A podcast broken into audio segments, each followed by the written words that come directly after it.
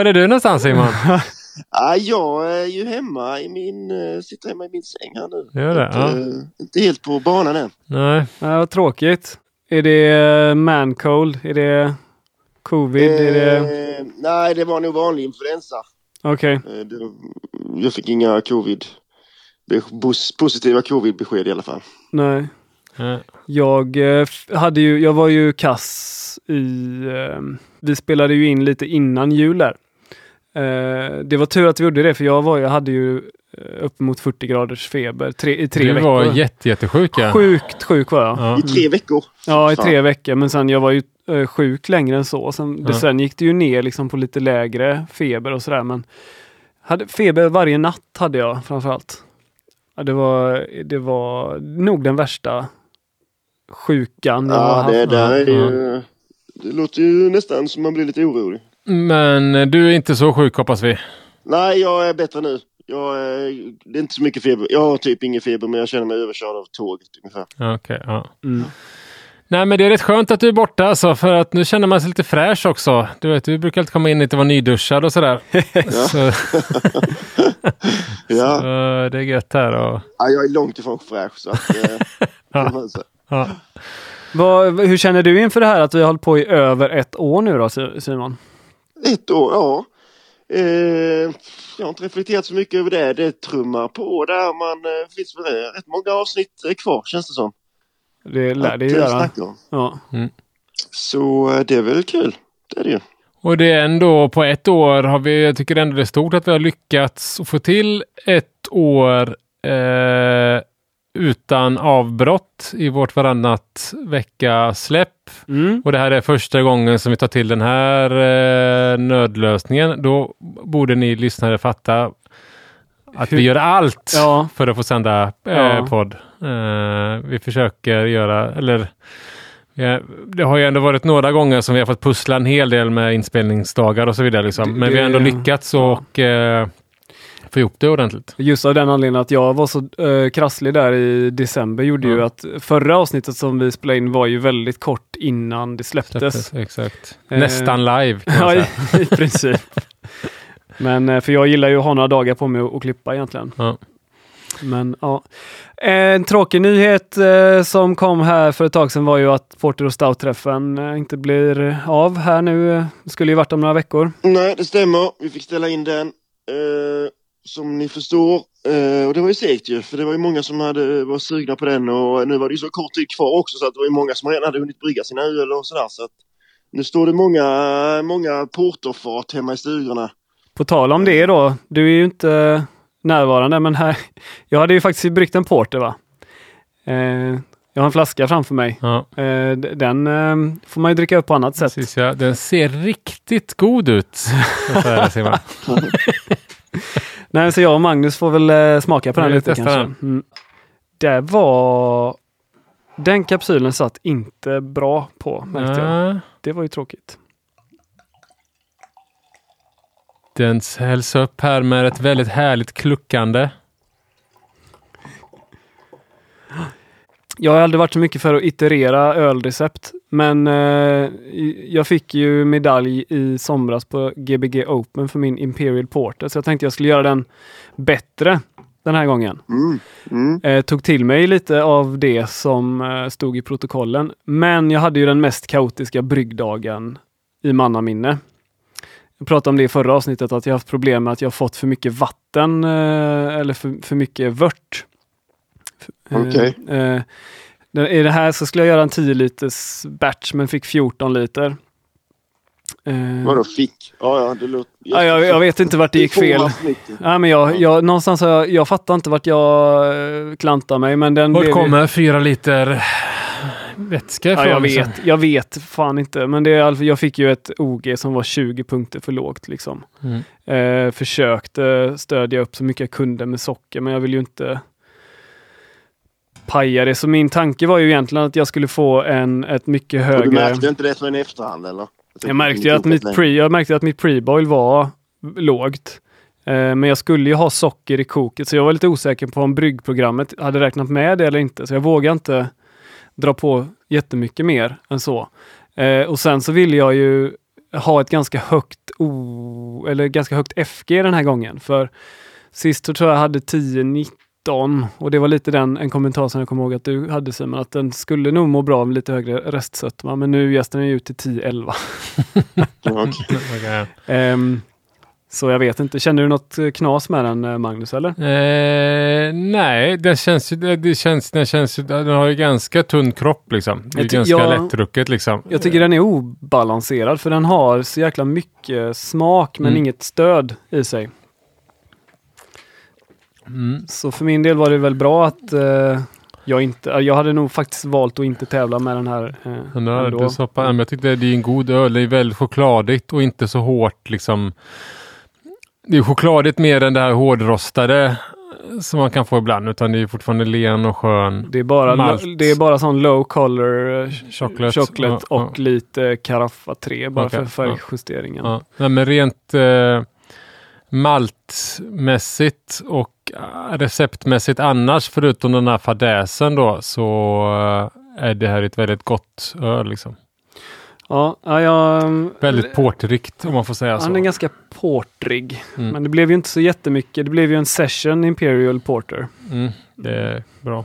Ja. Helt ny ölstil uppfanns. Eh, Bara sådär. Ja, vi får smutta på den. Du kan få en flaska Simon sen nästa gång. Vi. Ja, Mm.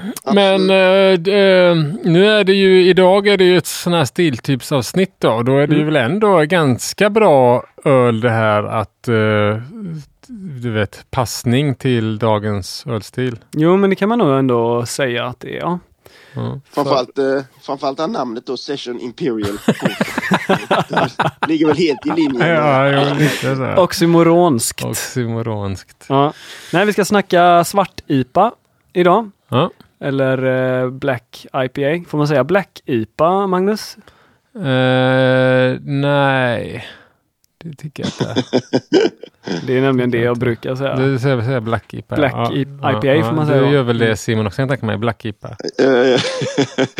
Busted. Ja. Eller säger du svart, Ja, svart IPA?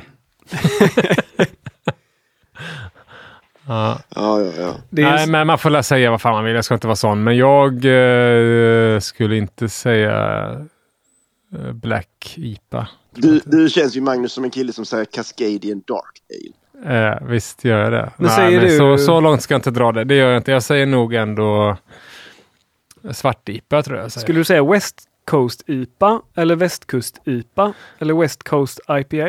Eh, West Coast IPA. Ja, det är fan frågan alltså.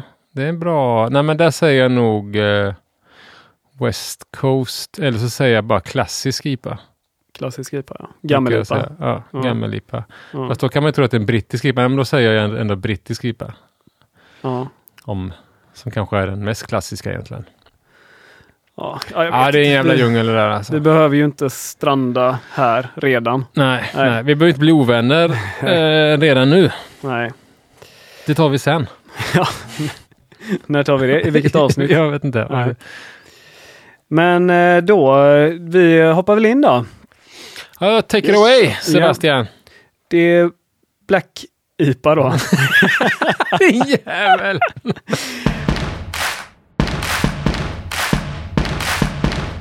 Jag vet inte om ni har tänkt på det när jag, när jag har valt eh, ölstil så har det alltid funnits någon typ av röd eh, tråd kan man liksom nog säga utifrån de stilarna jag har valt. Eh, det brukar vara ungefär så här. Sebastian berättar om ett tillfälle som utspelade sig någon gång i början av 2010-talet. Eh, Mm. När jag då kom i kontakt med den här stilen och insåg att det var det bästa jag någonsin testat och sen dess så är det min absoluta favoritstil. History repeats itself. ja, men det är exakt så det är den här gången också. ja, ja. Eh, och jag tror att ni kommer nog tycka att jag är gött dum i huvudet här för att ja. eh, första gången jag drack en eh, svart IPA var på Moderlambic i Bryssel. Oj. Ja. Stället man ska åka till för att just, Ja. just för att dricka svartpipa. En krog som ligger några hundra meter från Cantillon. Ja. Ja. Ehm, ja, vi, vi var där, jag och brorsan var där när han fyllde 30. Det var 2000, hösten 2011. Men vänta, vänta, vänta, vänta. Är inte din brorsa alltid med på de här gångerna du får uh, du testar en ny ölstil? Det vet Det känns jag inte. Nej, han nej? Ja, nej, det, men inte. det, Det han, har nog varit, har varit eh, ganska viktig för mitt eh, initiala ölintresse. ja. Det tror jag ändå. Ehm, jo, men han, han fick i 30-årspresent en eh, resa Okej. till Belgien. All right. Vi började i Bryssel med att besöka Cantillon och sen gick vi till Modelambic. Och de hade ju en ganska imponerande tapplista där. De hade ju eh, eh, Jag kommer ihåg att brorsan var ju svin eh, nöjd med att han kunde beställa en eh, krik från eh, Dry Fontainen på fat till exempel. Eh, Ja. Det tyckte jag han var kul. Men jag var ju så trött då på syrlig öl Ja. vid det laget. Så jag kollade vad det fanns mer och då gick jag ju mest på bilderna. på, Okej. på, och då var det en, eh, en bild på någon slags, eh, jag vet inte, djävul, någon demon av något slag. Som jag tyckte var eh, väl, väldigt fräck. Och så kände jag ju också igen namnet på bryggeriet, det var Stone då. Aha. Och eh, ölet det var ju Sublimely Self-Righteous Black IPA. Och eh, jag eh, hade ju aldrig talas om den stilen då. Jag var rätt ny i öldrickar eh, eller vad man ska säga. Så eh, tyckte väl att det lät otroligt eh, motsägelsefullt och intressant. Och eh, de sa väl det där i, i baren att ah, men det är det är en liten... eh, det, det, det ser ut som en stout men det smakar som en IPA. De pratar göteborgska där. Ja, det gäller också istället. Ehm, men jag beställde den och så gissa vad ni eh, gissa vad jag tyckte om ölet. Det var det bästa ölet. alltså jag, ty, jag tyckte verkligen att det var så fruktansvärt gott alltså. Ja. Den är rätt stark också har jag för mig. Mm. Det är egentligen mer av en dubbel eh, IPA kanske. Ja. ja. Eh, Sen när vi kom hem så, jag tror att då hade jag redan bryggt mitt första öl innan dess, men då eh, fick jag hjälp av brorsan tror jag. Nej, jag tror att jag fick boken IPA, heter den det? Av eh, han, Vinny eller? nej, han just som det. Stone, Stil. Mitch Steele. Mitch Steele är det som ändå, han, det, han var ju bryggare på Stone Mm. då. Där var receptet på, på det ölet med. Okej. Så det andra ölet jag någonsin bryggde, det var en klon på Sublime. Ja, blev väl halvnöjd med resultatet så, sådär, men eh, jag tyck, sen dess har jag faktiskt tyckt att det har varit en väldigt eh, rolig stil och jag har bryggt det några gånger och har tyckt, jag har nämnt innan, jag tycker det kanske är lite tråkigt att det har varit svårt att få tag i eh, Perioder. De senaste- Ja. åren. Mm. För det känns som att det var en uppenbar peak där någon gång 2013 kanske. Eller Ja. tidigt 10-tal i alla fall. Ja, exakt. Ja, men de senaste åren har det ändå eh, dykt upp en del från svenska hantverksbryggerier har man ju sett att det har kommit Black IPAs. Ja, Mm. den enda jag kan komma på som väl är, som alltid går att få tag i är Rådanäs. Eh, Just det. Ja. Brukar finnas på, på Ja, bolaget. ja. Ehm, så det är lite om min relation då. Den är väl eh, ganska lik mina Anna tidigare. de andra. Ja, Ja, men Brorsan var där. brorsan var där. Det hände för tio år sedan ungefär. Det var en kalas. Ja, det var en ja. uppenbarelse. Ja. Ja, men härligt. Men det där, eh, just den där bakgrunden. Alltså frågan är hur länge, vi, är det liksom ett år till som vi kan spela in med, nej. Ja, ja. med de här eller? Ja, men det, om tio år så kanske jag kan prata om saker som jag upptäckt nu. Just det, det är sant ja. Det är sant ja. Ja, ja. när vi har avsnitt 572. 572. Bra. Vad har ni för relation till eh, svartipa? Ja, det... Eh, alltså jag kommer ju också ihåg där lite då eh, när man började se de, de första känns det som, där för tio år sedan. Då tyckte man väl att det var en lite sådär konstig stil och det pratades lite om det och sådär. Men, eh, men jag tyckte att det var ett ganska gott alltid egentligen. Um, jag gillar ju mycket mörka öl, porter och stout och sådär.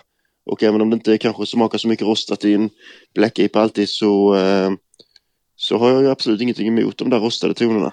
Det kommer vi in på sen när vi pratar lite Ja, ja, ja. öl, alltså typ Mm. definition. Så här, det det Ja, känns som att det finns två läger där om Rost, eh, rostat eller Ja. icke rostat. Ja. Ja, Mm. ja.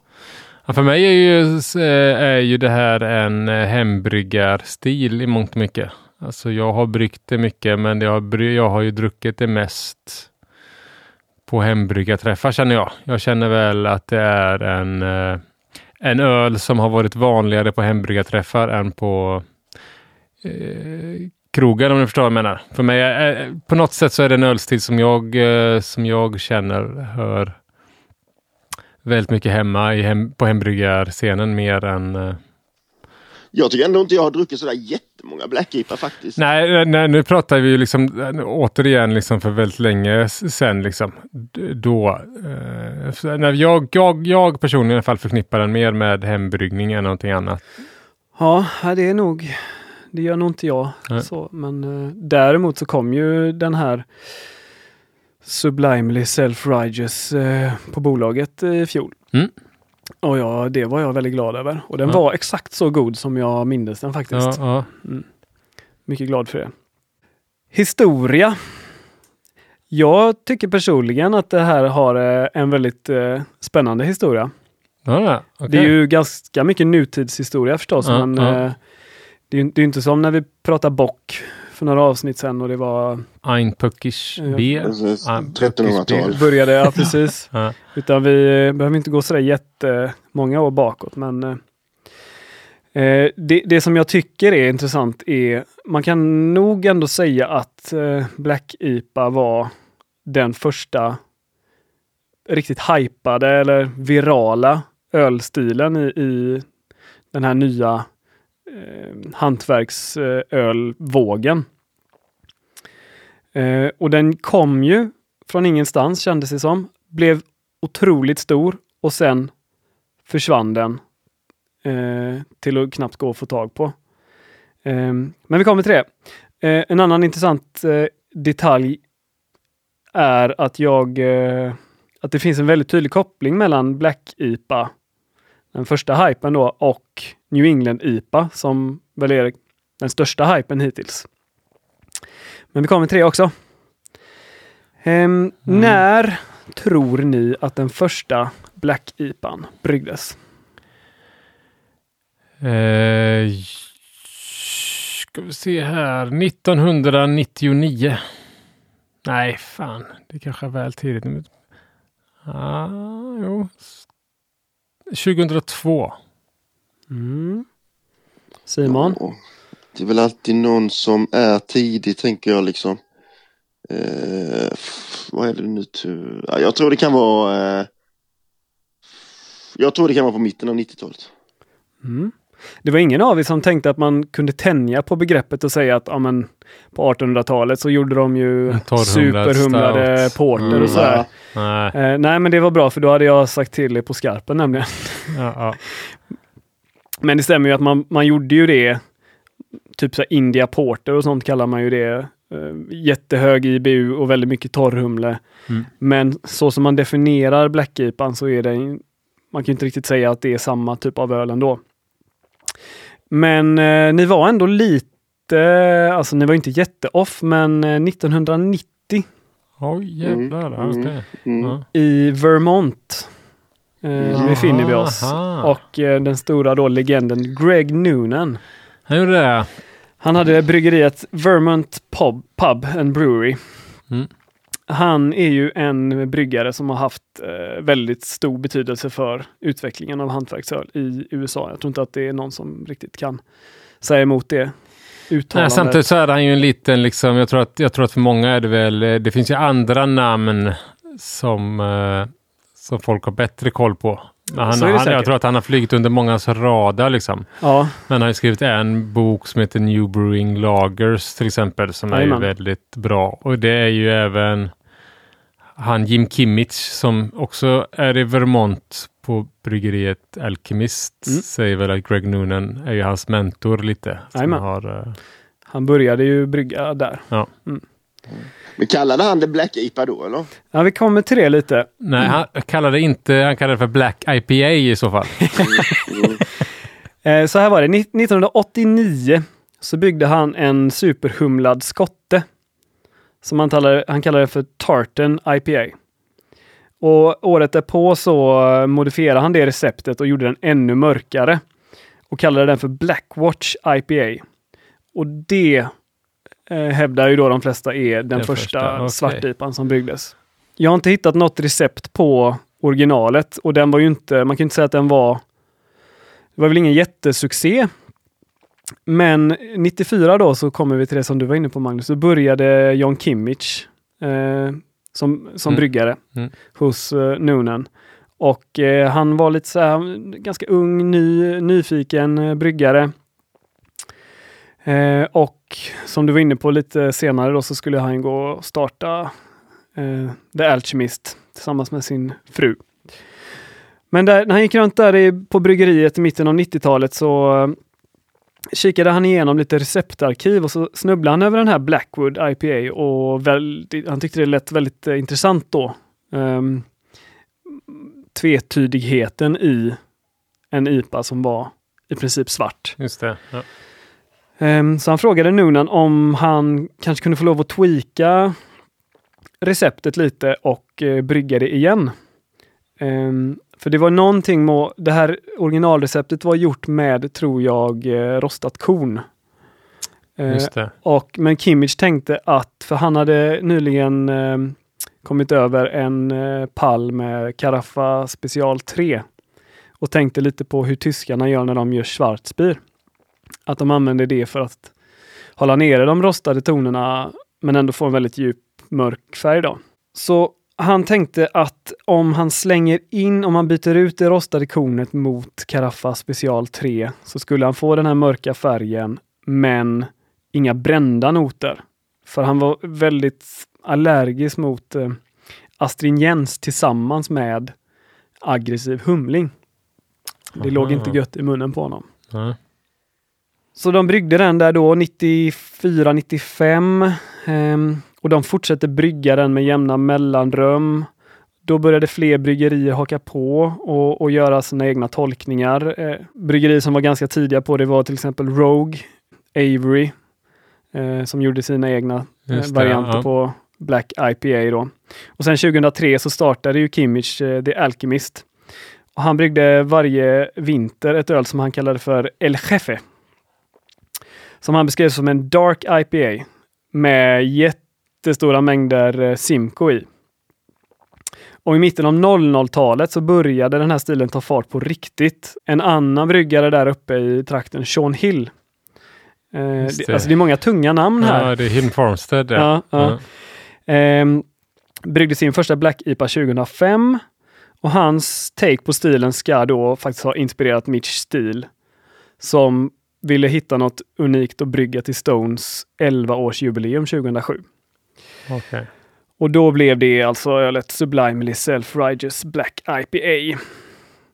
Och eh, även han hade itererat receptet lite grann och landade också i att det bästa blir om man använder Carafa Special 3. Han testade lite olika rostade sorter. Och sen då efter det så sa det bara boom. Boom sa det. Boom! Ja.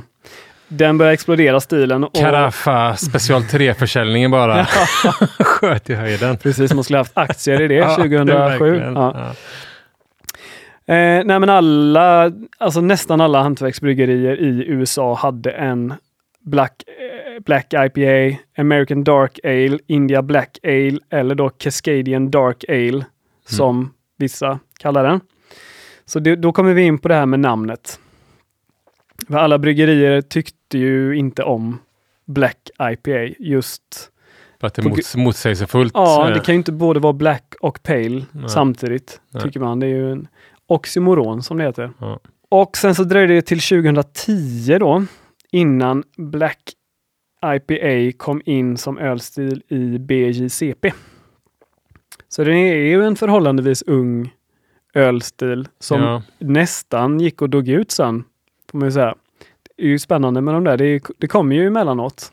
Bruttipa känns det som ett... eh, Bruttipa, ny- White IPA hade vi också. Det är väl, eh, men det är väl mycket IPor Ja, som kommer och går. White Stout, kommer ni ihåg det? Uh, ja. Nu påminner du mig. Ehm, sen 2013 kommer den in i SHBF, lyckades jag läsa mig till. Ja. Och under några år så är det här stilen som gäller. Men som med alla hyper eh, så var det ju ganska många konservativa öldrickare som såg ner på den. Eh, och jag tycker det här, just i och med att det är lite nutidshistoria, så tycker jag det var, när jag gjorde research inför avsnittet, det var ju kul att läsa ölbloggar och sånt från tidigt 2010-tal. Det, just, det var ju exakt samma tongångar som har varit nu bland liksom semikonservativa öldrickare eh, eh, som pratar om Hazy IPA Just eller typ eh, Pastry Stout eller sådär. Att, Ja. eh, att det kommer in, här kommer det en ny grej och, och, och, är det enda som gäller och pajar. Går inte att få tag i en vanlig IPA längre. Nej, De är också göteborgare. ja, det är, Ja, nej men ni känner igen de tongångarna. ja, verkligen. Ja, men det är sant det. De första, vi säger de första fem åren under 10-talet. Väldigt stort var det. Mm. Ehm, men säg då den trend som varar. Där i mitten av 10-talet så, så ser ju bryggerierna att efterfrågan sjunker drastiskt. Eh, och de flesta lägger ner produktionen av sin Black IPA. Antagligen för att lämna plats åt nästa stora trend. Som då är New England IPA. Det är så ändå att, att, att det, det går lite hand i hand. För Kanske det, lite. Det, det, det känns som att skulle, New England-IPan kommer kanske lite efter Ja. att Black-IPan hade redan börjat dala. Men jag sa att jag skulle återkomma till hur Black-IPan och New England-IPan kan kopplas samman. Då. Ja, Eh, och ni kanske har gissat det redan, men det är ju John Kimmich som är den här gemensamma nämnaren.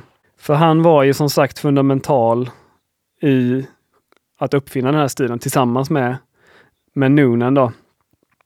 Eh, Och när han, när han lämnade Vermont Pub and Brewery där 2003 så fick han lov att eh, plocka med sig Noonans husgäst som han hade plockat med sig från Storbritannien på 80-talet.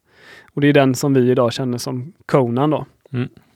Och det är ju den gästen som han använde för att skapa Heady Topper och den gästen som alla ville ha för några år sedan för att kunna göra Exakt, en ja. hazy mm, IPA. mm. Och eh, det är ju han då lite grann som man kan säga drog igång hela den hazy-trenden. exakt. Men det känns som att det kan vara en annan historia. Ja, Eh, men en lite roligare historia, och det har vi varit inne på, det är ju att det faktiskt har börjat komma lite mer Black IPA igen. det har det. Mm. Eh, som sagt, Stone släppte på nytt den och eh, jag kollade lite på Untapped och det har ju blivit fler, fler och fler bryggerier som brygger detta igen. Det är väl som med allt annat att det är cykliskt, men jag tycker det är kul i alla fall. Nej, jag håller med. Det är ju, jag uppskattar ju ölstilen, så det är ju inte mig emot. Nej. Eh, om, om man eh, säger det så. Och jag tror inte att den kommer eh, det kommer aldrig bli en trend med hazy black IPA. fy för fan, det har jag gjort en gång och det Ja, såg ju ja, fruktansvärt ja, ut. det ser, Smakade helt okej men det var, det var, inte det var inte mycket att ut, se nej. på. nej. Mm. Nej men visst är det en ganska, det var inte jättelång historia men det är lite intressant. Det är ganska intressant. Ja, Det är var många- framförallt att både Noonan och Kimmich var med. Det hade jag faktiskt ingen aning om. Att, de, att, de, att han hade att han hade ett finger med i det spelet också. Mm. Det var ett ganska väsentligt finger får Ja, man säga. ja, nej, verkligen. Och att det var så tidigt också. Snacka om att vara före sin tid. 1990. Ja, det var ju långt Ja, före sin ja. tid. Ja. Ja. Och den var, då smakade den ju säkert inte alls som den gjorde Nej, det tio var år ju senare. säkert Cascade i bara. Liksom. Sä- säkert ja. ja. Det är i och för sig inte fel att ha i en svart IPA Nej. idag heller. Men Nej. ja, Vad ja, heter det? Jag, eh, ja, spännande. Jag vill inte avbryta här med mitt knaster under tiden du pratade för mycket. Nej. Men vad var det? Jag, tänk, jag tänkte på några grejer här. Kan man liksom...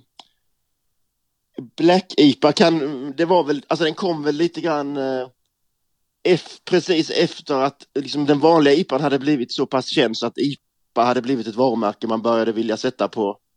Kan man säga att det var liksom det första, det, det är lite grann det här sluttande planet med att man sätter IPA på vad som helst för att det ska säljas så att säga. Ja, det, det, det kan man nog säga. Jag, eh, den vanliga IPAn hade nog, jag vet inte hur det var 1990, men, men definitivt där i mitten av 00-talet när Black IPA-trenden började komma igång, så var ju ändå IPA ett starkt Vad är varumärke nästa? för Mm. en ölstil. Men vad var först? Eh, Session-IPA eller svart-IPA? Jag skulle gissa svartipa. Ja, det skulle jag också gissa ja, Jag med faktiskt. faktiskt. Ja. Men det känns som att de ändå var ganska nära varandra. Va? Sen så kom ju White IPA också då. Ja. White IPA precis och alla de här andra olika varianter på. IPA liksom. ja. Red IPA. Red, brown. Känns som att innan Black IPA känns det väl, det, alltså det finns ju var IPA och så dubbel-IPA. Sen, Just dubbel-IPA Ja. också. Ja, det är sant ja. ja. Ja, ja, ja men det är ju ändå eh, eh, spännande. Men då har ni, har ni bryggt mycket? Har du, du, har, eh, du hade bryggt eh, något försök där tidigt då? Då bryggde du en svart Ja, det var min... Synd jag inte tänkte på det, men det var ju lika bra nu när Simon inte kunde vara med. Jag hade kunnat ta med den. Jag har en flaska kvar. ja, coolt. Bryggd i då eh, november, december 2011. Ja, Precis efter vi kom hem från Belgien. coolt. Mm. Du är en sån liten hoarder. Och jag gjorde det i början. Ja. Alltså mina fem första öl sparade jag en flaska av. Ja, okej. Och tänkte att den här ska jag dricka Med någon mina gång. barn. Ja, ja, ja, jag vet faktiskt inte. Men eh, alltså jag har Den här väl... kan bli värd. Den här kan bli värd. Jag visste ju det att det inte skulle hålla sig särskilt bra. Nej. Ja. Ska vi lyssna på lite eh, typ def? Okej. Eh, då är det så här att eh, svart-IPA då, eller Black IPA, som man säga, ligger under huvudklass 5 då, kraftig ale. Och ligger så som eh, 5D då, Black IPA. Eh, historien har vi gått igenom, så jag går, går direkt på karaktärsbeskrivning och eh, sådär. Kan jag börja med lite data. Enligt SOBF då så ska oget ligga på eh, 1050 till 1070. Ett FG på 1012 till 1018. En alkoholhalt på 5 till 7,5 procent. IBU 40 till 60 och färg 80 till 100 EBC. Eh, den kortfattade karaktärsbeskrivningen eh, är att det är en humledominerad med läst, lättrostad och chokladiga malttoner. IPAns Schwarzbier. Färg utseende mörkbrun till svart. Köldgrumling är tillåten. Bouquet arom ska ha en stor blommig humledoft med inslag av frukt och citrus. Rostade men ej brända malttoner och inslag av karamell ska finnas på låg nivå. Alkoholtoner på låg nivå är tillåten. Smak. Kraftigt smakhumlad med kraftfulla och moderna humlesorter som drar åt citrus och tropisk frukt. Bäskan ska vara kraftig. Maltigheten ska vara rostad men ej bränd och ha en chokladighet samt en liten karamellighet. Choklad och karamell får inte dominera så att det ger ett sött intryck. Fruktestrar på medium till höga nivåer. Munkänslan medium kropp och sen så då förebilder här är ju Jämtlands svartipa eh, och Raven Black IPA från Thornbridge. Det är lite kanske ouppdaterade ölstilar där som förebilder. Men. Mm. I vilket fall, det var det hela. Höga fruktestrar alltså. Ja, igen. så fan vad vi har eh, Ja, konstigt tycker jag. Det håller jag inte med om. Nej, okej att det kanske var det i Noonans och Kimmich om det var en För att de hade brittisk... Conan-gästen, eh, De ja. hade Conan-gästen, men Mm. det går ju inte ihop med IPAns Schwarzbier heller och sen... Ja, ja. Skitsamma. Det var ju en del ska-krav och det var mycket vad jag lade märke till här. Det kanske du kommer in på sen Sebastian, men det här med att eh, maltigheten ska vara rostad men ej bränd. Mm. Så rostad, det är ju lite... Vad är det för skillnad på rostad och bränd? Liksom? Ja, Men, men, eh, det, det är väl en fin linje på något sätt. ja, och det är väl där då. Nu, visst, nu har vi ju den här typdefen att förhålla oss till. Mm. Men jag, eh, min personliga preferens är väl att man ska försöka hålla nere rostade toner. Ja, dito på den tycker Ja. jag.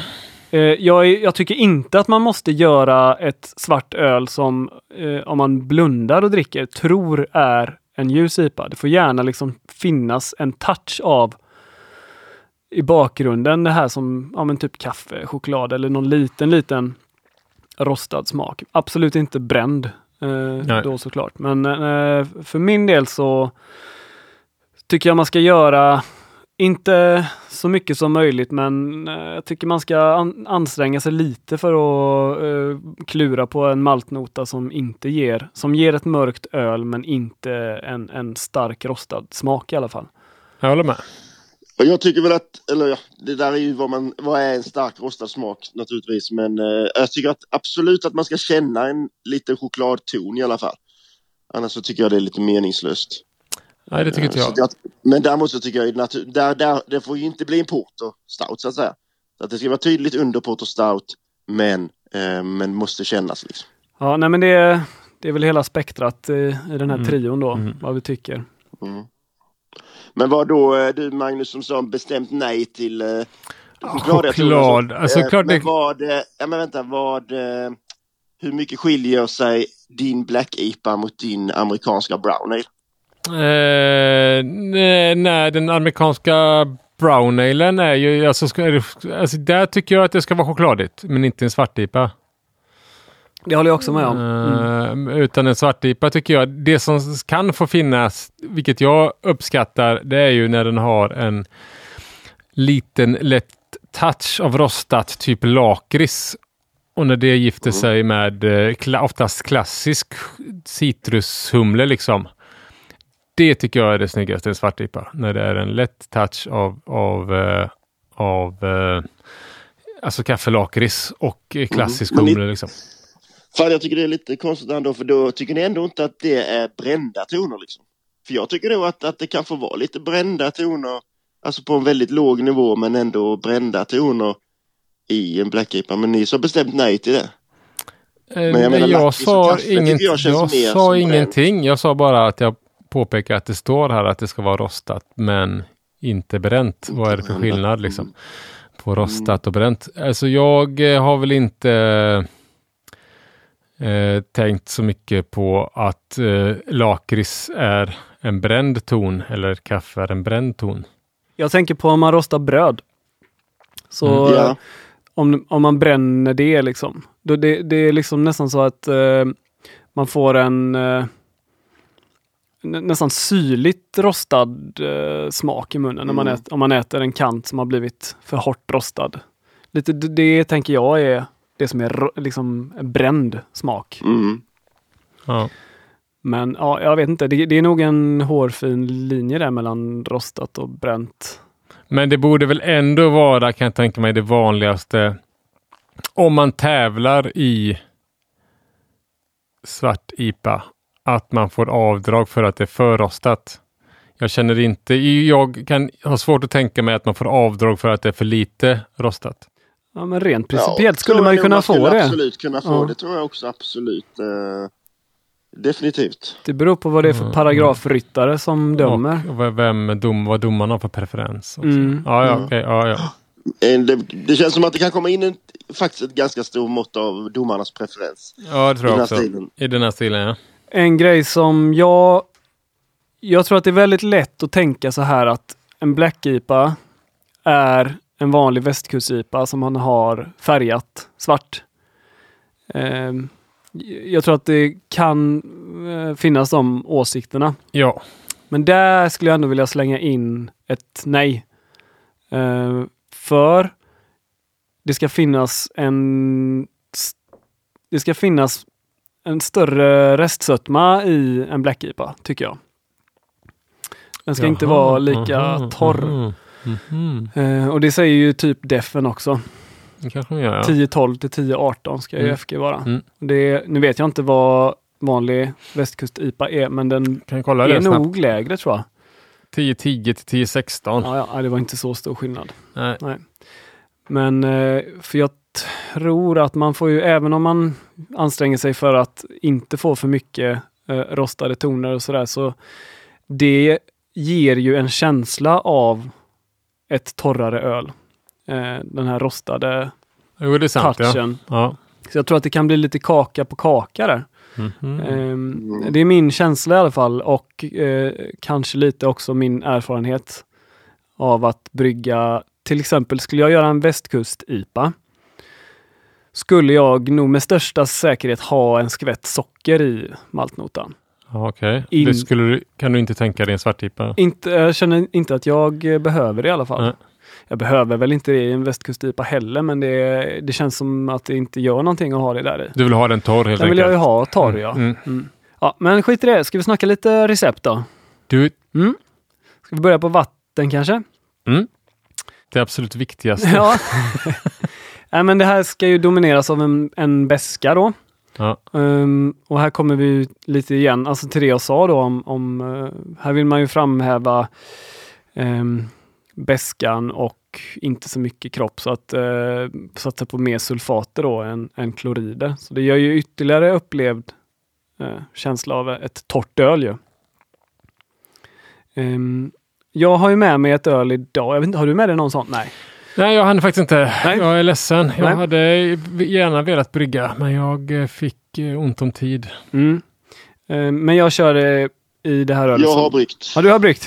Ja, det- Ja. Fantastiskt är det. Fantastiskt. Helt magiskt. Perfekt Jättemånga. balans mellan rostat och Ja. bränt. Ja. Ja. Jag har kört med 2 till 1 ratio på sulfat. Jag tror jag har Ja. 200 ppm sulfater och 100 klorider i Okej. det Ja. som jag har med mig. Ja. Eh, ja, och sen så vanligt då när man har lite rostad malt i så får man ju kolla sitt pH. Eh, såklart. Check, check it out. När man, eh, jag har ju, nu har jag ju väldigt hög alkalininitet Mm. i mitt, eh, så jag behöver ju inte eh, justera upp mitt pH när jag gör sån här öl. Nej. Eh, Jag var tvungen att justera ner det. Det var det alltså? Ja. Okej. Men jag, du kan vara stolt över mig för att jag hade 5,5 i när jag mäskade och sen Ja, ja. fem- 5,1 i kokslut hade jag. Det var det? Mm. Utan att... Nej, då, Justera, då då- hade jag ju en liten skvätt mjölksyra i I mäskvattnet och sen i koket. Ja. Ja. Mm. Eh, malt då? Jag tycker man kommer ganska långt på den här maltnotan. Eh, pilsnermalt 85 till 90 procent. Eh, sen en svart malt utan skal. Eh, till exempel då Carafa Special 3 eller som jag eh, föredrar Midnight Wheat. Okej, just det. De finns ja. Mm. De Ja. Den är väl ganska klassiskt. Är Black Jo, det är Ja. det. Den har nog eh, eh, ersatt Carafa Special 3. Mm, mm. Jag, jag har testat att göra med båda. Jag tycker att Midnight Wheat är ännu, liksom ger ännu mindre rostade toner än Carafa Special 3. Eh, 5 till 8 procent. Men jag tror, alltså är man där uppe på 8, 7-8 procent så eh, då finns det ändå en risk för att man, eh, Tippar över liksom. alltså det kan bli en viss astringens av det. Mm, Okej. Ja. Eh, eh, och det, det är inte jättebehagligt och eh, jag köper det som Kimmich tyckte där med att du har en hög beska i ölet och tillsammans med astringens så blir det liksom en, en obehaglig känsla i munnen. Mm. Ehm, och sen till sist då, en lika stor del som man har, eh, alltså 5 till 8 procent något sånt där, så eh, en, en ljus till halvljus, halvmörk karamellmalt. Tycker jag är passande. Eh, man, man vill ju åt lite, lite inslag av karamell och rostat. Inget av det ska dominera. Men eh, på det sättet så påminner det ganska mycket om en västkust-IPA kan jag tycka. Eller, man, måste ju, man kan ju göra en västkust-IPA utan karamellmalt, men jag tycker ändå det kan vara gött med en, en liten skvätt. Men då tycker jag ju att man ska ja, max 100 EBC. Max sånt. 100 EBC. Mm. Yes. Men det är ju eh, baserat på vad man själv tycker. Sen ehm, tycker jag att man mäskar där på 66-67 grader kanske. Just för att eh, man skulle, skulle jag gjort en västkustipa kanske jag hade gjort någon grad lägre. Just för att få ett torrare öl. Men lite, få lite mer eh, dextriner i, och, och lite högre restsötma eh, är bra. Och som jag sa, jag tycker inte att man ska behöva ha socker i en Black IPA för att minska kroppen, utan eh, det kan vara en, en medium kropp på det ölet. Det stod väl i typ defen till och med, va? Sen så har jag skrivit ner en liten grej här i mina stödord. Eh, och det är kallmäskning. Just det. Det är ju då alltså en metod för att ytterligare hålla nere risken för just astringens. Ehm, det finns ju en risk att man drar ut väldigt mycket tanniner ur just hårt rostad malt. Eh, om man har den i, i hela mäsken. Då kan man antingen slänga i den när man lakar eller ha kallmäskat den innan och liksom separera den och hälla i den vid lakning eller i koket till och med. Um, jag kan ju tycka, jag har gjort det, jag har testat det och jag har testat att inte göra det. Jag kan ju tycka, använder du Midnight Wheat så tycker jag inte att du behöver kallmäska. Och, och jag vet ju, jag tror till det, det finns nog de som hävdar att kallmäskning inte ens ger någon märkbar skillnad. Jag har aldrig eh, liksom gjort en eh, split batch eller testat. Så jag vet inte vad min åsikt är. Men för mig känns det som att det är mer rimligt att göra det om du har, eh, jag vet inte, svartmalt eller eh, rostat korn eller något sånt där. Nej. Ja, jag eh, kallmäskar väldigt mycket back in the days. Mm. Gjorde jag. Eh, på svart IPA och sådär. Men det var också liksom på den tiden jag inte kände att jag inte hade riktigt koll på vattnet heller. Det var ett sätt liksom, du vet, att undvika och eh, balla ur mäsk-pH och sånt. Ja, ja, men det är ju också en Eh, bra poäng såklart ju. Mm. Att man kunde styra det eh, så liksom. Mm. Nej, men det är i alla fall min åsikt är att du inte behöver kallmäska. Eh, om du använder Midnight Wheat eller Caraffa Special 3. Eh, på, ta på tal om Midnight Wheat då, jag vet att vi pratade om det här för några avsnitt sedan. Ehm, jag trodde ju att Midnight Wheat och chokladvete var samma typ av malt. Mm. Vi kollade upp det, det var ju, skilde ju flera hundra EBC i de Mm. två. Mm. Och det slog mig att jag, an, jag gjorde en Schwarzbier i våras ju. Jag hade med den hit och det var en god öl, men båda ni tyckte att den har ju ganska mycket chokladsmak i sig. Mm. Och det var ju för att jag använde chokladvete när jag trodde att det var Midnight Wheat ju.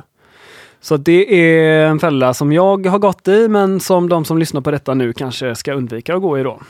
Bra där.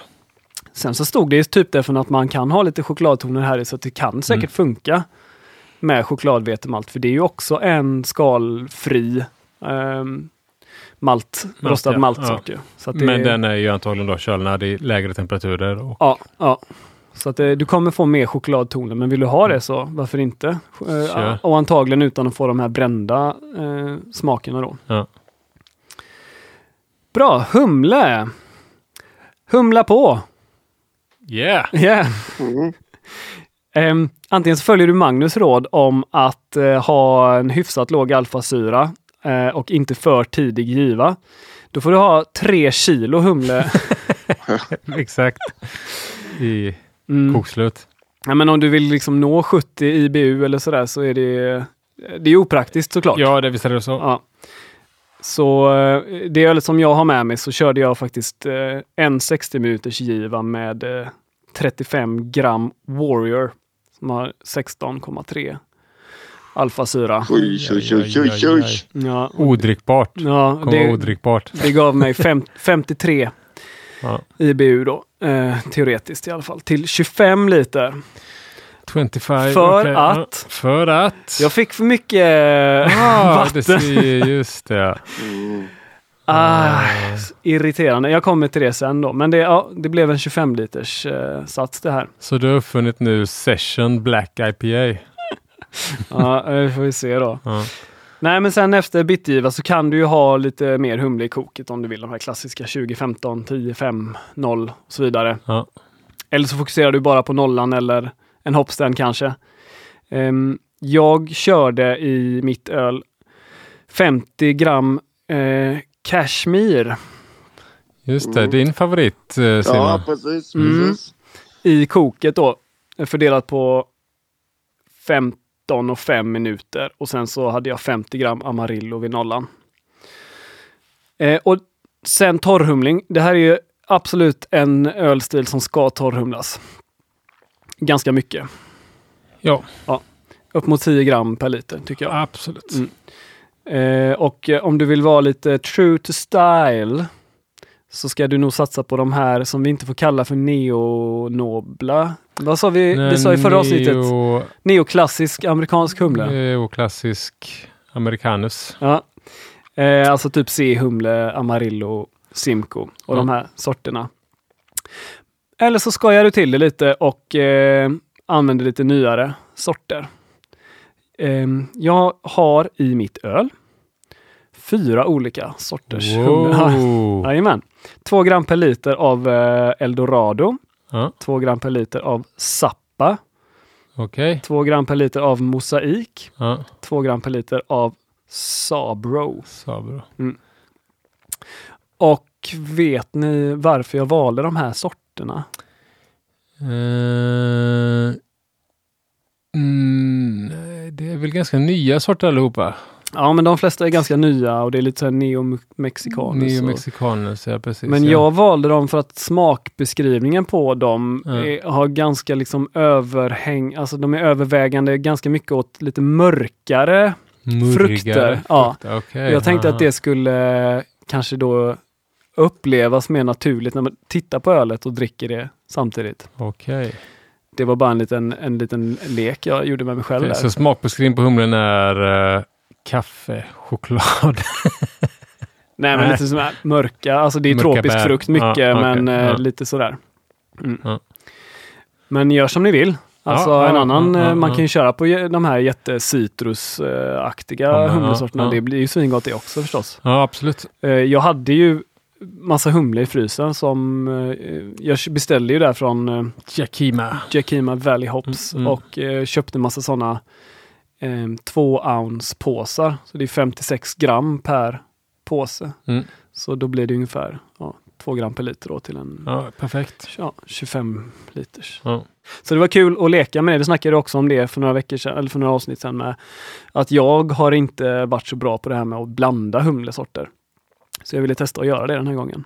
Sen tycker jag att man kan lägga i torrhumlen egentligen när man vill. Ehm, men jag är ju lite rädd för oxidering så jag, jag har väl typ slutat att torrhumla när, när ölet är helt färdigutjäst. Den här gången så hade jag väl kanske åtta punkter kvar eller sånt där när jag slängde i det. Ja.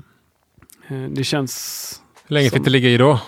Det fick ligga i... ehm, det fick ligga i... eh, i nu ska vi se. Eh, Då höjde jag ju, jag hade ju höjt också jästempen. Så det låg ju i, i typ 20-21 grader i Mm. fyra dygn tror jag. Mm. Sen kallkraschade jag Mm. och blev svinsjuk. Just det. Och hade liksom ingen ork att gå och fata det. Så det låg två veckor tror jag. Eh, på, på nollan Ja. i kylen. Ja. Innan jag orkade med och jag går ut och fatar det. Och sen när jag smakar på den så smakar den bara beskt. All Ja, right. för jag hade ju är ingen, eh, ingen smak eller doftsinne överhuvudtaget. Ja, just det. Just det. Men åtta punkter spundare då, eller det här var inte under tryck jag tänker Nej, på. Du är inte nej. rädd liksom att eh, aromerna försvinner ut genom jäseröret? Lite grann. Jag vet ju att många, många häller ju i humlen när de pitchar gästen. Eh, Det, det skulle jag nog inte Nej, göra kanske. nej. Men det är väl kutym på, ibland på de här nya då, Hazy New England IPorna för att få biotransformationen ifrån, Ja, från precis. gästen. Men eh, ja, nej, nej men det, det är en bra poäng det där. Men jag, jag försöker slänga in i den när det är aktiv jäsning, men inte jättemycket kvar. Och nu... Mm. Jag kan komma till det, eller jag kan väl säga det redan nu då, i och med att jag fick eh, för mycket, alltså att det blev för mycket vatten i då. Ja, ja. Så, så var jag tvungen att stödja upp med en del socker i. För jag fick ett väldigt lågt preboil. Och jag hade ingen aning om vart mitt öl skulle landa i FG. Så när jag hade, jag hade 10-18 hade jag när jag la i eh, Humlen, humlen, ja. humlen och tänkte Ja. att den kanske skulle stanna på 14 eller någonting. Men Ja. den gick ner till 10-10. Ja, ja. ja. Men ja, det är så det är. Så att den har ju liksom gått förbi då den acceptabla nivån enligt typdefen. Min öl. Mm. Men men, eh, så kan det ju vara ibland. Mm. Jag, det där är en grej som jag är sjukt dålig på, att veta hur mycket socker jag ska ha i. Eh, om jag missar mitt pre-boil. Jag har fått räkna på skiten. Jo, jag gör det men jag blir också, det blir helt, det blir helt kajko med FG då, Ja. tycker jag. Blir- 100, jag vet inte, 100 100 gram strösocker höjer eh, en liter öl med 35 punkter. Så 10 liter öl med 3,5 då. Ja, precis. Ja. Ja. Okej, ja det är en bra poäng. Men det är ändå det här balansen då. Man, missar du ditt pre-boil med sju punkter så kanske du inte vill kompensera upp de sju punkterna just för att då kanske den jäser ut. för mycket. Du För skjuter mycket. över alkoholhalten. Mm. Ja. Ja. Ja. Ja, ehm, Ja, bästa är ju att inte göra bort sig. i- Nej, jag vet, jag vet som sagt inte vad jag har. ja, om det liksom har- jag börjar ju tvivla på mitt bryggprogram till exempel. Att den har, Ja. det har blivit, jag använder ju Beersmith.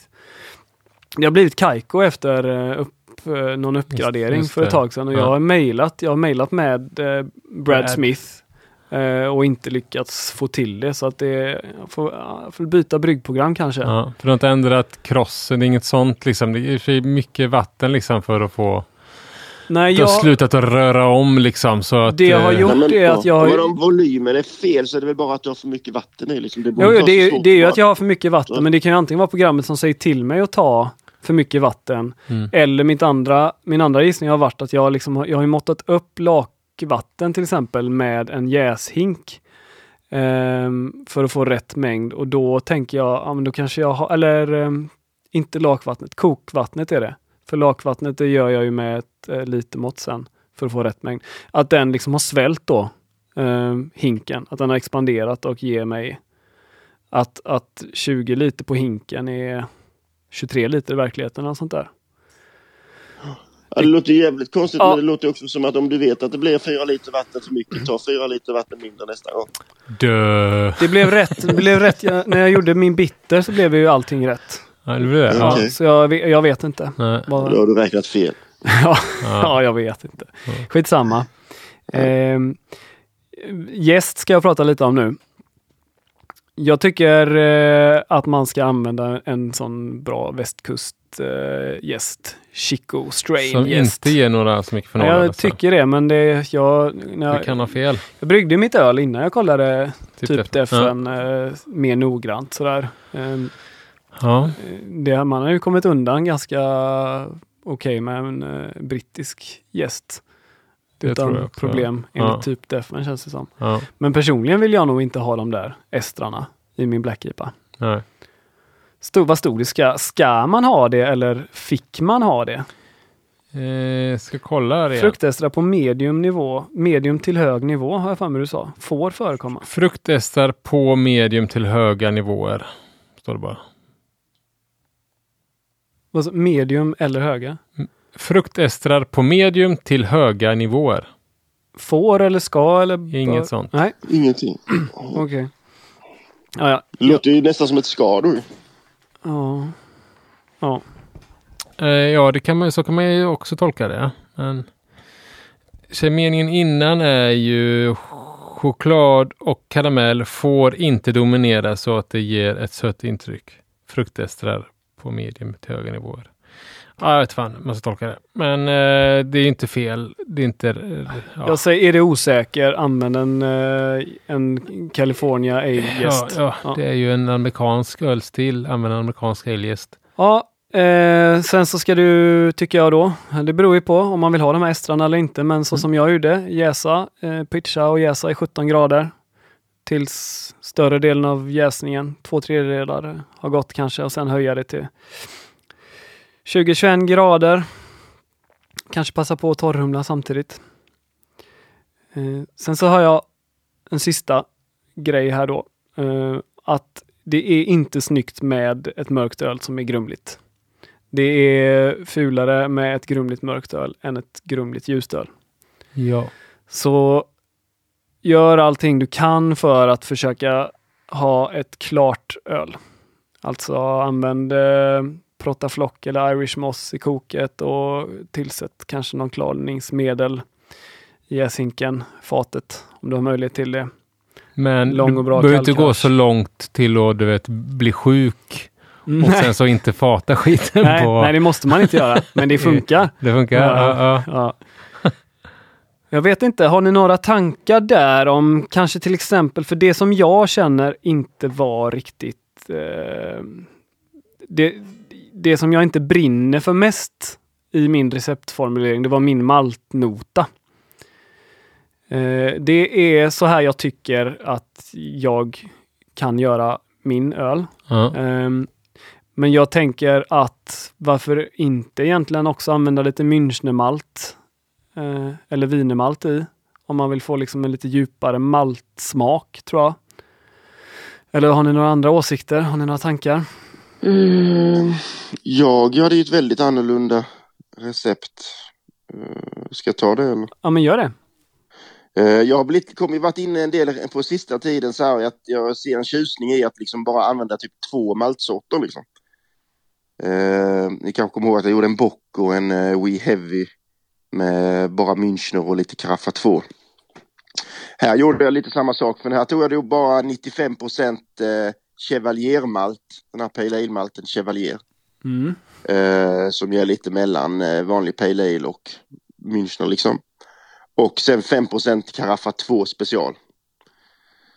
Så nu har jag fått lära mig nu att då skulle jag tagit Caraffa 3 där naturligtvis. Ja. Eller Midnight Wheat. Eller- Jag tyckte att min, men jag, min skulle jag nog mer kalla Cascadian Dark Ale för den blev inte svart. Jag hade velat ha det lite mer, eh, lite mörkare faktiskt. Den blev mörkt brun bara. Mm. Så om man eh, tycker det är lagom så kan man köra på det. Men Det är okej det är okej att ha den mörkt brun får man ju säga. Ja, Men den måste den ju är inte en- vara black. Nej, det måste det ju inte och enligt FN och sådär så den absolut klarar sig. Men jag hade velat att den blev lite mörkare. Jag trodde den skulle bli ett snäpp mörkare. Ja. Eh, sen humlade jag den då eh, Magnum vid 60 minuter. Eh, 10 minuter så hade jag 20 gram, detta är 10 liters batch då. Eh, vid 10 minuter kvar hade jag 20 gram Simco och 20 gram mosaik. Och 0 minuter kvar så hade jag 30 gram Simco och 30 gram mosaik. Och sen torrhumlade jag med 60 gram Eldorado. Jäste med London Fog. Mm. Coolt. Mm. Slurry, slurry från tidigare. Eh, Så att, eh, ja, den, eh, det var inte den bästa Black IPA jag har druckit. Det var det inte. Vad fick du för eh, eh, värden på den?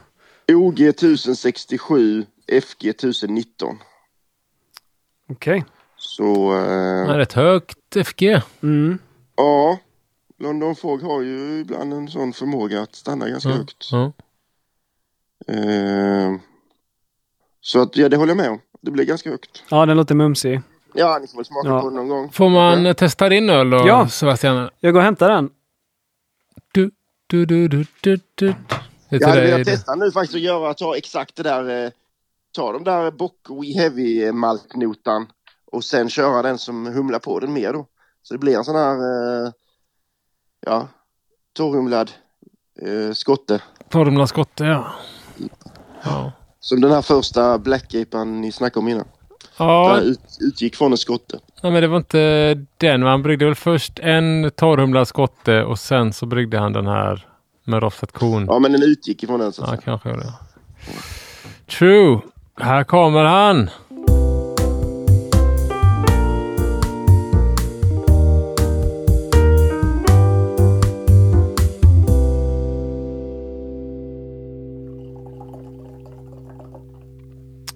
Tackar. Varsågod.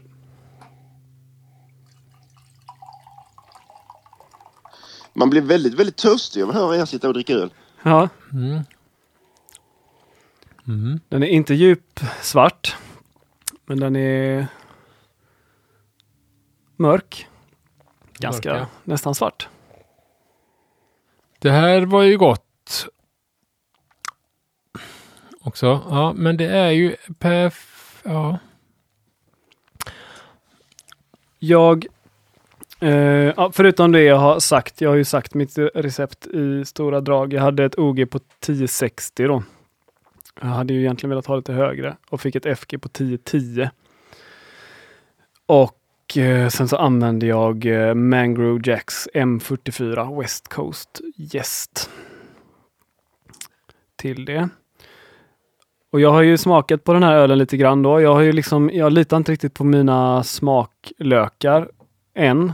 Eh, för eh, jag har fått berättat för mig att jag säger konstiga grejer om saker, att s- saker och ting smakar konstigt. Mm. Min omgivning tycker, håller inte med mig när jag säger jag drack champagne häromdagen och de, jag tyckte att det bara smakar fikon och sprit. Men det sa de att det gjorde den inte alls. Den smakar dadlar och sprit. Eh, nej, så jag har ju liksom, eh, det har ju varit en utveckling för mig att smaka den här. Från början tyckte jag att den hade väl, alltså, eh, av, först tyckte jag bara den smakade besk då. Nu tycker jag inte, nu, nu när jag känner lite smak så tycker jag inte att beskan är så jättedominerande. Men jag kan tycka att det finns lite astringens eh, från den här eh, rostade malten. Någonting som gör att det känns torrt i munnen i alla fall. När jag dricker det. Ja, håller väl med att den känns nästan, det är ju i stora drag liksom en god öl, men jag tycker nästan att den är eh, för rostad. Jag, skulle- jag tycker att den är för torr. Ja, men det är det, precis det jag vill komma. Liksom är det, är, känns den för rostad för att den är så pass torr eller för att det är för att man kanske skulle skriv, skruva ner eh, alltså procenten Midnight Wheat i den eller inte? Jag, jag tror att den hade, hade jag fått, hade jag landat på 10-15 istället. Ja, så, så tror jag att den hade varit, eh, då hade man inte stört sig på den här liksom rostade eller astringenta smaken. Eh, den är kanske Nej. inte astringent men det är, no, det är någonting liksom, det är både torrt och rostat samtidigt gör ehm, att det blir liksom lite knasigt. ehm, I min mun i alla fall. Ehm, men jag är nöjd med humleprofilen och den har liksom en ganska fin maltighet i sig. Ehm, jag hade eh, till då de här 25 litrarna 5 kilo pilsnermalt, 500 gram midnight wheat, 300 gram Cara Blond, 200 gram mörk eh, Münchnermalt och sen hade jag 150 gram Naked Oats i också. Eh, hade jag. Mäskade Det var en 66. jävla massa grejer av dig där. Ja, på det stora hela så tycker jag det är en god eh, öl som eh, jag är hyfsat nöjd med. Men eh, den blev inte som jag hade tänkt och jag tror att hade den blivit som jag hade tänkt så hade, hade den varit godare. Eh, Ja.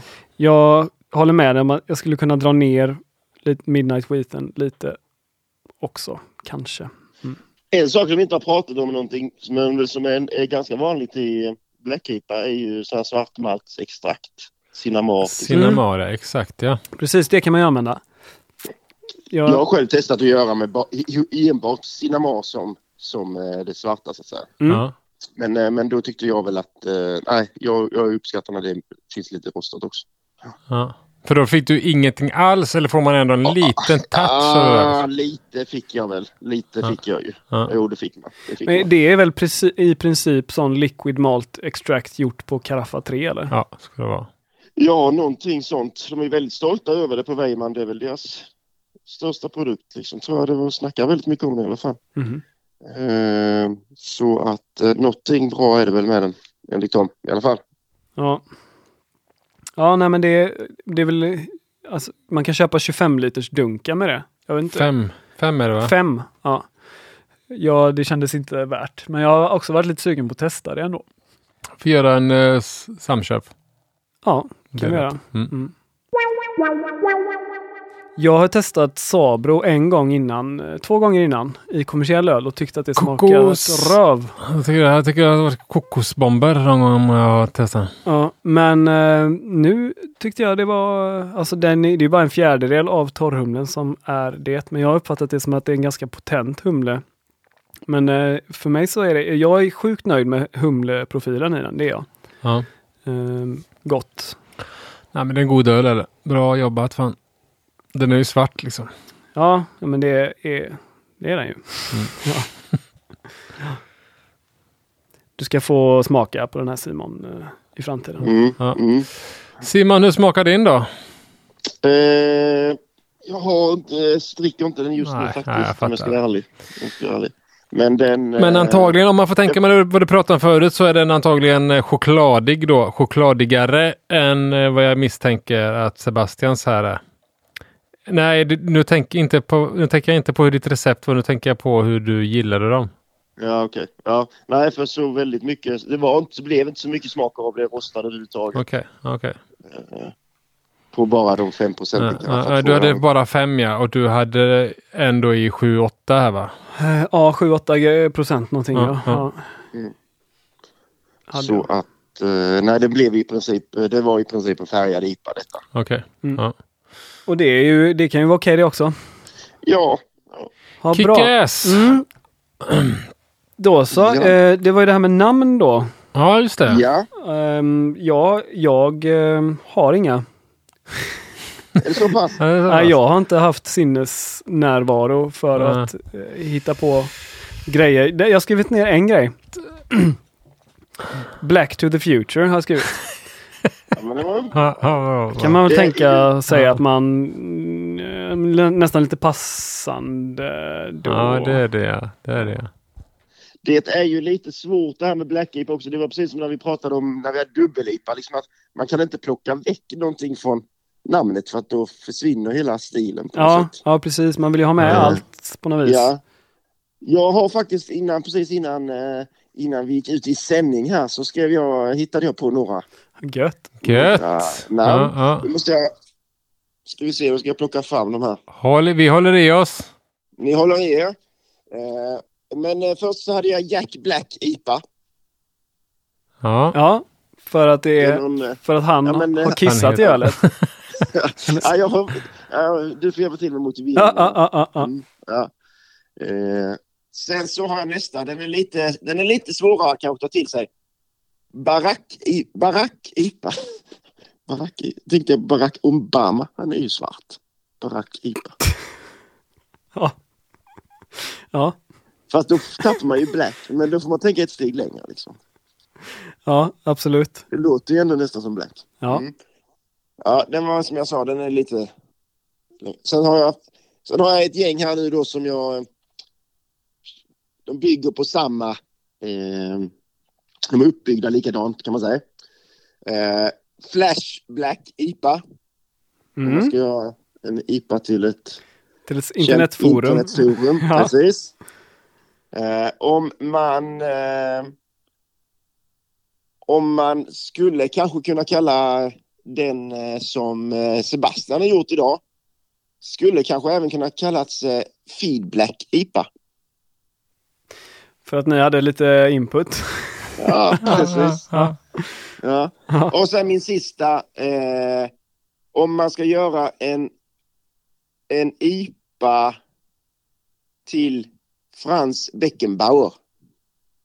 Tyska fotbollsspelaren. Ja. Han var ju mittblack IPA. Ja. Ja, Ja, fantastiska namn. Ja. Fantastiska namn. Ja, det var de som jag i min, mitt eh, feberyrande här kunde. ja. Jag kom på, om man har väldigt mycket knark i så kan den heta crack IPA. Mm, ja. Mm. precis, men då är det där med black liksom. Ja, Men det rimmar ju på black. ja. Crack. Mm. Väldigt bra Ja, namn i vilket fall. Får jag säga en grej som jag skulle vilja ha sagt? Ja, Den där Cold IPA som jag gjorde. Fan vad god den var. Jag har druckit den. jag har druckit den och den passar i så himla många lägen. När man ska Ja. till maten och sådär bara, ska jag ha en lager eller ska jag kanske ska ha en IPA till den här, eh, de här, eh, någon, någonting där, mat. Eh, och sen så bara, ah, jag tar den här Cola IPA, passar varje gång, utmärkt. Så mitt tips till er, gör Cold IPA. ja, jag Ja. är lite sugen på att testa det. Jag Ja, tyckte också ja. att din var väldigt god. Det kommer. Mm. Men eh, ska vi lämna på den eh, självförhärligande high-noten då? Ja, Ja, ja, gött. Kul att du eh, hade ork att vara med via länk i alla fall. ja, Mm. ja. Tack så mycket för det och tack till alla lyssnare. Och Verkligen. Jag har en sak som jag kom på att vi har glömt hur många gånger som helst. Vi kanske ska glömma det denna gången också, eller? Eh, vi har ju fått en bok ifrån Stigbergs bryggeri. Jag tänker om man har fått en bok så borde man ju nämna det. Vi har fått deras den här eh, Just det. boken. Eh, Boken om öl, eller? boken om öl och så står det och andra grejer under. Eh, ja, den har vi fått av dem och det, alltså det är ju en hembriggarbok. Ni, Magnus har väl läst den va? Jag har eh, läst den. ja. Ja, och sen så fick jag, har jag tagit den efter dig. Och eh, det är ju en hembriggarbok. Gillar man Stigbergets eh, öl så är det ju en utmärkt källa till inspiration. Verkligen. Verkligen. Mm. Eh, den är mer, jag tycker kanske att namnet är lite konstigt, boken om öl för att Alltså det, jag tycker verkligen att det är en hembriggarbok. Om man inte är hembryggare så är det ju Då får man vara jävla stort Stigberget-fan om man ska ha ut mycket av den. Liksom. För att det är ju majoriteten i boken handlar ju om hembryggning. Ja, men tack för boken. Jag Tack ser fram för emot boket. när det är min tur att Precis, läsa ja. den. Ja. Ja. Vika upp alla hundöron och sånt. Ja. Nej men bra, ska vi säga... Fa, eh, vi har, nej, vi har inte spikat vad nästa avsnitt handlar om riktigt. Nej, det blir också en liten surpris. Det blir en surpris. För er och för oss. Ja. Ja. Nej men det är bra, vi säger så då. Ja, Ja. Halleluja!